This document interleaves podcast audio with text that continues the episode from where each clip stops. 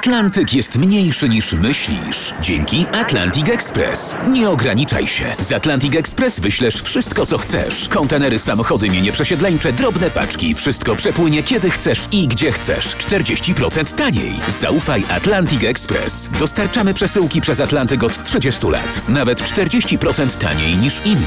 Dzwoń 1 800 775 73 63. Ekspresowo przez Atlantyk. Tylko z Atlantic Express. Misja specjalna w RMFFM.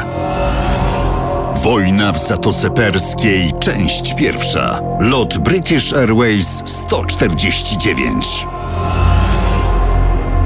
O tym, że Saddam Hussein jest brutalnym dyktatorem, wiedzieli wszyscy i w Departamencie Stanu, i w CIA. Ale nikt nie chciał tego powiedzieć głośno, a już na pewno nikt nie powiedziałby tego prasie. Amerykanie w ogromnej większości unikający dyplomatycznych niuansów międzynarodowych relacji mieli wiedzieć tylko jedno. W toczącej się od 1979 roku wojnie iracko-irańskiej to Irak, a zatem i Saddam Hussein stoją po właściwej stronie. Za tym tyleż lakonicznym, co nieprawdziwym stwierdzeniem kryły się obawy Waszyngtonu przed zwycięstwem fanatyków Ayatollaha Khomeiniego i Iranu.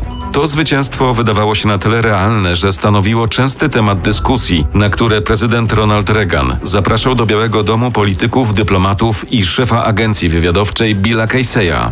Prognozy są niepokojące. Mówił Reaganowi Bill Casey. Wiele danych wskazuje na przewagę armii irańskiej. Panie prezydencie, obawiam się, że bez naszej pomocy Irak tę wojnę przegra. A wtedy Dopowiedział prezydent. Będziemy mieć nad Zatoką Perską ogromne państwo, a w dodatku nastawione agresywnie do sąsiadów. Exactly. Khomeini chce zorganizować Bliski Wschód po swojemu. Kto będzie następny? Pytał retorycznie Casey. Wokół aż roi się od małych państw Katar, Oman, Bahrajn, Kuwejt, a dalej na wschód Syria, Jordania, Izrael. Jeśli mamy zatrzymać Irańczyków, to teraz. W 1983 roku do Bagdadu na spotkanie z Saddamem poleciał Donald Rumsfeld, polityk spoza administracji prezydenta, do którego jednak Reagan miał zaufanie. Rumsfeld w swojej nieoficjalnej misji obiecał Husseinowi ciche, ale konkretne poparcie Stanów Zjednoczonych. Informacje z za linii frontu uzyskane dzięki satelitom szpiegowskim i dostęp do nowoczesnych technologii. To właśnie ta technologia pozwoliła naukowcom Saddama zbudować broń masowego rażenia. Wojna irańsko-iracka wciąż trwała, więc Waszyngton nie tylko patrzył na to przez palce, ale zrobił kolejny krok na drodze obłaskawienia Husajna. Skreślił Irak z listy państw sponsorujących terroryzm. Zdecydowano się na taki krok, mimo że nikt nie miał żadnych wątpliwości co do dalszego zaangażowania Irakijczyków w wsparcie terroryzmu.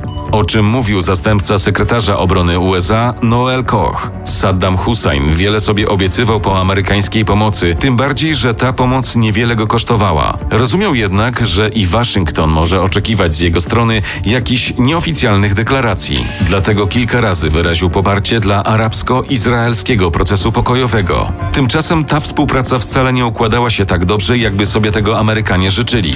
Narzekał głównie Casey i jego CIA. Nie dysponowała wiedzą z pierwszej ręki na temat reżimu i miała niewielkie szanse na wgląd w tajne zamiary Bagdadu. Któregoś dnia CIA upadła tak nisko, że zwerbowała irackiego recepcjonistę z hotelu w Niemczech. Postanowili wykorzystać go do kontaktów ze swoimi szpiegami w Iranie, ale z tego werbunku wyniknęło więcej szkody niż pożytku. Jesienią 1989 roku recepcjonista wysłał list do wszystkich 40 agentów ze swojej siatki szpiegowskiej działającej w Iranie. Popełnił olbrzymi błąd. List wysłał tego samego dnia z jednej skrzynki pocztowej na ten sam adres wypisany na kopertach dokładnie tym samym charakterem pisma. Niedługo później wpadł pierwszy agent z tej siatki, a potem po kolei irański kontrwywiad wyłapał następnych jednego po drugim.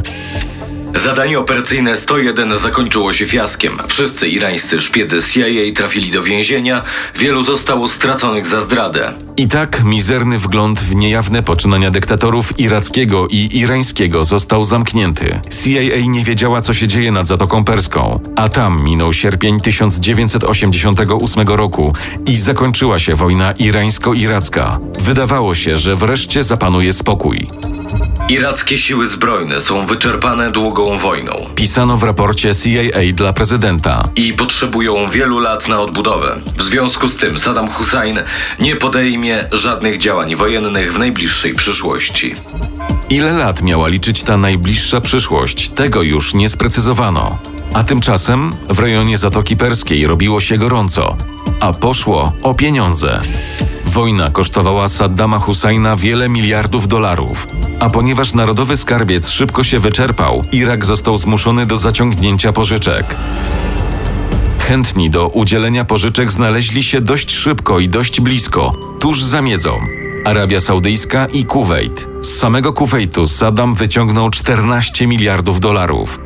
Kiedy wojna z Iranem się skończyła, a wyniszczonym gospodarką wojenną kraju zaczynały się bunty społeczne, Hussein postanowił rozwiązać problem zadłużenia w prosty, a zarazem niekonwencjonalny sposób. Zażądał, aby wierzyciele umorzyli długi. Usłyszał jednak stanowcze nie. Poszło jednak nie tylko o dług. Husseinowi nie podobało się również wysokie wydobycie ropy przez Kuwejt i inne kraje OPEC, bo to obniżało ceny tego surowca na światowych rynkach. Irak znów musiał liczyć straty, tym razem w wysokości 7 miliardów dolarów rocznie. Naszym zdaniem Narzekał Saddam Hussein. jest to forma wojny gospodarczej, którą z premedytacją prowadzi przeciw nam Kuwait. Końcu relacje Iraku z krajami arabskimi zepsuły się do tego stopnia, że Saddam Hussein zaczął straszyć wojną.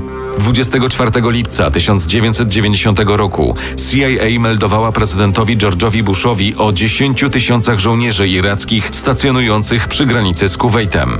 Następnego dnia ambasador Stanów Zjednoczonych w Bagdadzie, pani April Gillespie, spotkała się z Saddamem Husseinem. Mówicie, że Ameryka będzie chronić swoich przyjaciół. Ta retoryka zachęciła Kuwait do lekceważenia praw Iraku. To bardzo niebezpieczne. Uważam, że Kuwait prowadzi antyiracką politykę gospodarczą, a to jest naszym zdaniem równoznaczne z agresją militarną. Wiemy, że rozmieściliście dywizję na południu Iraku. Normalnie nie byłoby to naszą sprawą, ale w kontekście pańskich gruźb pod adresem Kuwejtu budzi to nasze zaniepokojenie. Wobec tego muszę zapytać, jakie macie zamiary? Cóż, prezydent Egiptu Mubarak pomógł zorganizować spotkanie delegacji Kuwejtu i Iraku w Riyadzie. W najbliższych dniach książę z Kuwejtu przyjedzie do Bagdadu na poważne negocjacje. Obiecałem Mubarakowi, że do tego czasu nie podejmiemy żadnych poważnych kroków. Nie mieszamy się w konflikty arabsko-arabskie, takie jak wasz spór z Kuwejtem. Mamy jednak nadzieję, że rozwiążecie go odpowiednimi metodami z pomocą prezydenta Mubaraka lub sekretarza generalnego Ligi Arabskiej. Następnego dnia Kuwejt zgodził się ograniczyć wydobycie ropy. Czy był to krok w kierunku porozumienia z Irakiem? Zapewne tak. Problem polegał na tym, że Irak zażądał od Kuwejtu jeszcze 10 miliardów dolarów w ramach odszkodowania za wydobycie ropy ze złóż położonych przy granicy obu krajów. Kuwejt nie zgodził się na taką sumę. Zaproponował zaledwie 500 milionów dolarów. Odpowiedzi Irak postawił wojska w stan gotowości bojowej, a dwie dywizje ruszyły w stronę kuwejskiej granicy. Obserwująca te iracko-kuwejskie przepychanki CIA doszła do wniosku, że mimo wszystko inwazja Iraku na Kuwejt jest niemożliwa. Owszem, napisano w raporcie, być może Hussein zajmie jakieś pole naftowe lub kilka wysp, ale na tym się skończy. Tylko jeden człowiek w CIA, Charles Allen, pracujący w sekcji wczesnego ostrzegania, miał inne zdanie. Można nawet powiedzieć, że nie słuchał go nikt, łącznie z prezydentem George'em Bushem. Prezydent Bush również miał wątpliwości co do Iraku. Czyżby nie zadawalały go raporty CIA? Czy nie ufał analizom ludzi z Departamentu Stanu? Na te pytanie nie odpowiemy. Ale dodajmy, że zagubiony w detalach prezydent szukał jakiegoś wiarygodnego źródła informacji. Wreszcie zdecydował się na kilka rozmów telefonicznych. Najpierw poprosił o połączenie z prezydentem Egiptu, Hosni Mubarakiem. Rozmawiali krótko. Busha interesowało tylko jedno: czy Hussein zaatakuje Kuwait? Mniej więcej w tym samym czasie na podlondyńskim lotnisku Heathrow pasażerowie lotu numer 149 linii British Airways skończyli odprawę i czekali na pozwolenie wejścia na pokład samolotu. Wysłużony Boeing 747 miał ich zabrać do Kuala Lumpur w Malezji. Ponieważ zapowiadał się bardzo długi rejs, zaplanowano międzylądowanie w Kuwejcie. Według rozkładu lotu samolot miał wystartować o godzinie 16.15 czasu uniwersalnego. Tymczasem mijały minuty, a samolot nadal czekał na pozwolenie na start. Po pół godzinie pasażerowie zaczęli się niepokoić. Podobno, mówili później w relacjach składanych dziennikarzom, słyszeli jak piloci się kłócą. O co poszło? Według pasażerów o rzecz dość istotną bezpieczeństwo lądowania w Kuwejcie. Zdania załogi na ten temat były podzielone. Jedni twierdzili, że wojna jest niemożliwa, drudzy nie mieli już co do tego takiej pewności. Świat, a zatem również pasażerowie i piloci wiedzieli o napięciu między Bagdadem i Kuwejtem. Wiedzieli również o dywizjach irackich rozmieszczonych wzdłuż granicy z Kuwejtem. Mówiła o tym telewizja, radio i pisała prasa. Dlatego o bezpieczeństwo lotu zapytano centralę British Airways, a centrala przesłała to pytanie dalej do Ministerstwa Spraw Zagranicznych. MSZ zapytało ambasadę brytyjską w Kuwejcie. Odpowiedź nadeszła błyskawicznie i była optymistyczna. Inwazja na Kuwejt mało prawdopodobna. Tymczasem kapitan Richard Branyate przyznał, że powód opóźnienia był inny. Przyczyną opóźnienia startu była awaria pomocniczego zespołu napędowego samolotu. To jaka była prawda? Zanim odpowiemy na to pytanie, przytoczymy jeszcze jedną hipotezę. Dochodziła szósta wieczorem. Start miał nastąpić lada moment. Kiedy jeszcze na chwilę otworzono drzwi i do samolotu weszło dwunastu mężczyzn. Wszyscy mieli krótko obcięte włosy. Wyglądali jak żołnierze, mówili później pasażerowie. Chwilę później zrobiło się jeszcze ciekawiej. Do samolotu wszedł książę Kuwejtu, jak się miało okazać, szef kuwejskiego wywiadu. Andrew Marshall na stronach dziennika Independent pytał, czy przyczyną opóźnienia nie była przypadkiem tajna operacja MI6. Podobne pytanie postawił Steven Davis, autor książki The Secret of Flight 149. Samolot wystartował o godzinie 6.05 wieczorem czasu uniwersalnego. Nad lotniskiem w Kuwejcie byli po 7 godzinach lotu. Zanim samolot wylądował, kapitan Branyate pytał wieże kontroli lotów, czy gwarantują bezpieczne lądowanie. Gwarantowali. Samolot wylądował o 1.13 po północy. Pasażerowie wysiedli i przeszli do budynku, gdzie kazano im czekać około godziny, aż w samolocie zostanie uzupełnione paliwo.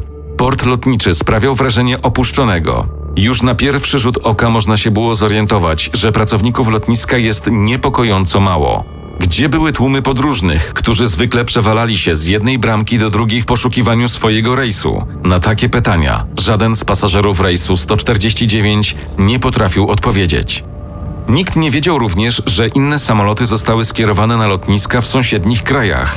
Natomiast poinformowano pasażerów, że start ich samolotu został przesunięty o dwie godziny.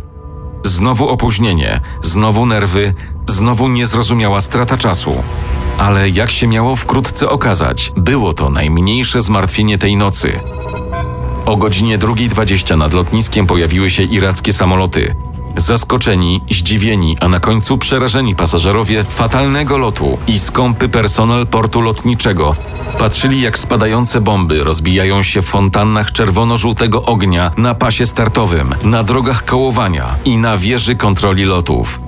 Godzinę później kuwejskie radio podało komunikat, że dzisiejszej nocy wojska irackie dokonały inwazji kraju.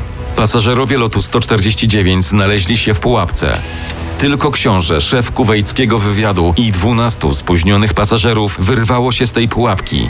Kim zatem byli? Reporter dziennika Independent Andrew Marshall i pisarz Steven Davis długo szukali odpowiedzi na to pytanie.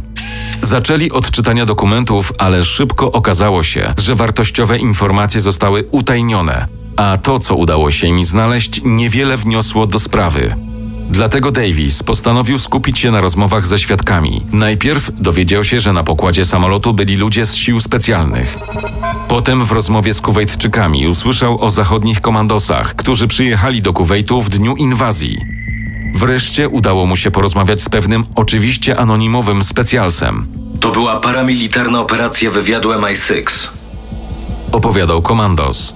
Zwerbowano do niej żołnierzy szkolonych przez SAS. Na czym polegało wasze zadanie? Pytał Davis. Kazano nam utworzyć siatki szpiegowskie, zanim do Kuwejtu wejdą Irakijczycy. Skąd Brytyjczycy wiedzieli, że w Kuwejcie trzeba organizować nowe siatki szpiegowskie? Czyżby mieli lepsze informacje niż reszta sojuszników z NATO ze Stanami Zjednoczonymi włącznie? A może po prostu byli zapobiegliwi, działali na chybił trafił i zdążyli w ostatniej chwili. Część druga wojny w Zatoce już za tydzień. Misja specjalna w RMFFM. Na tropie największych tajemnic historii.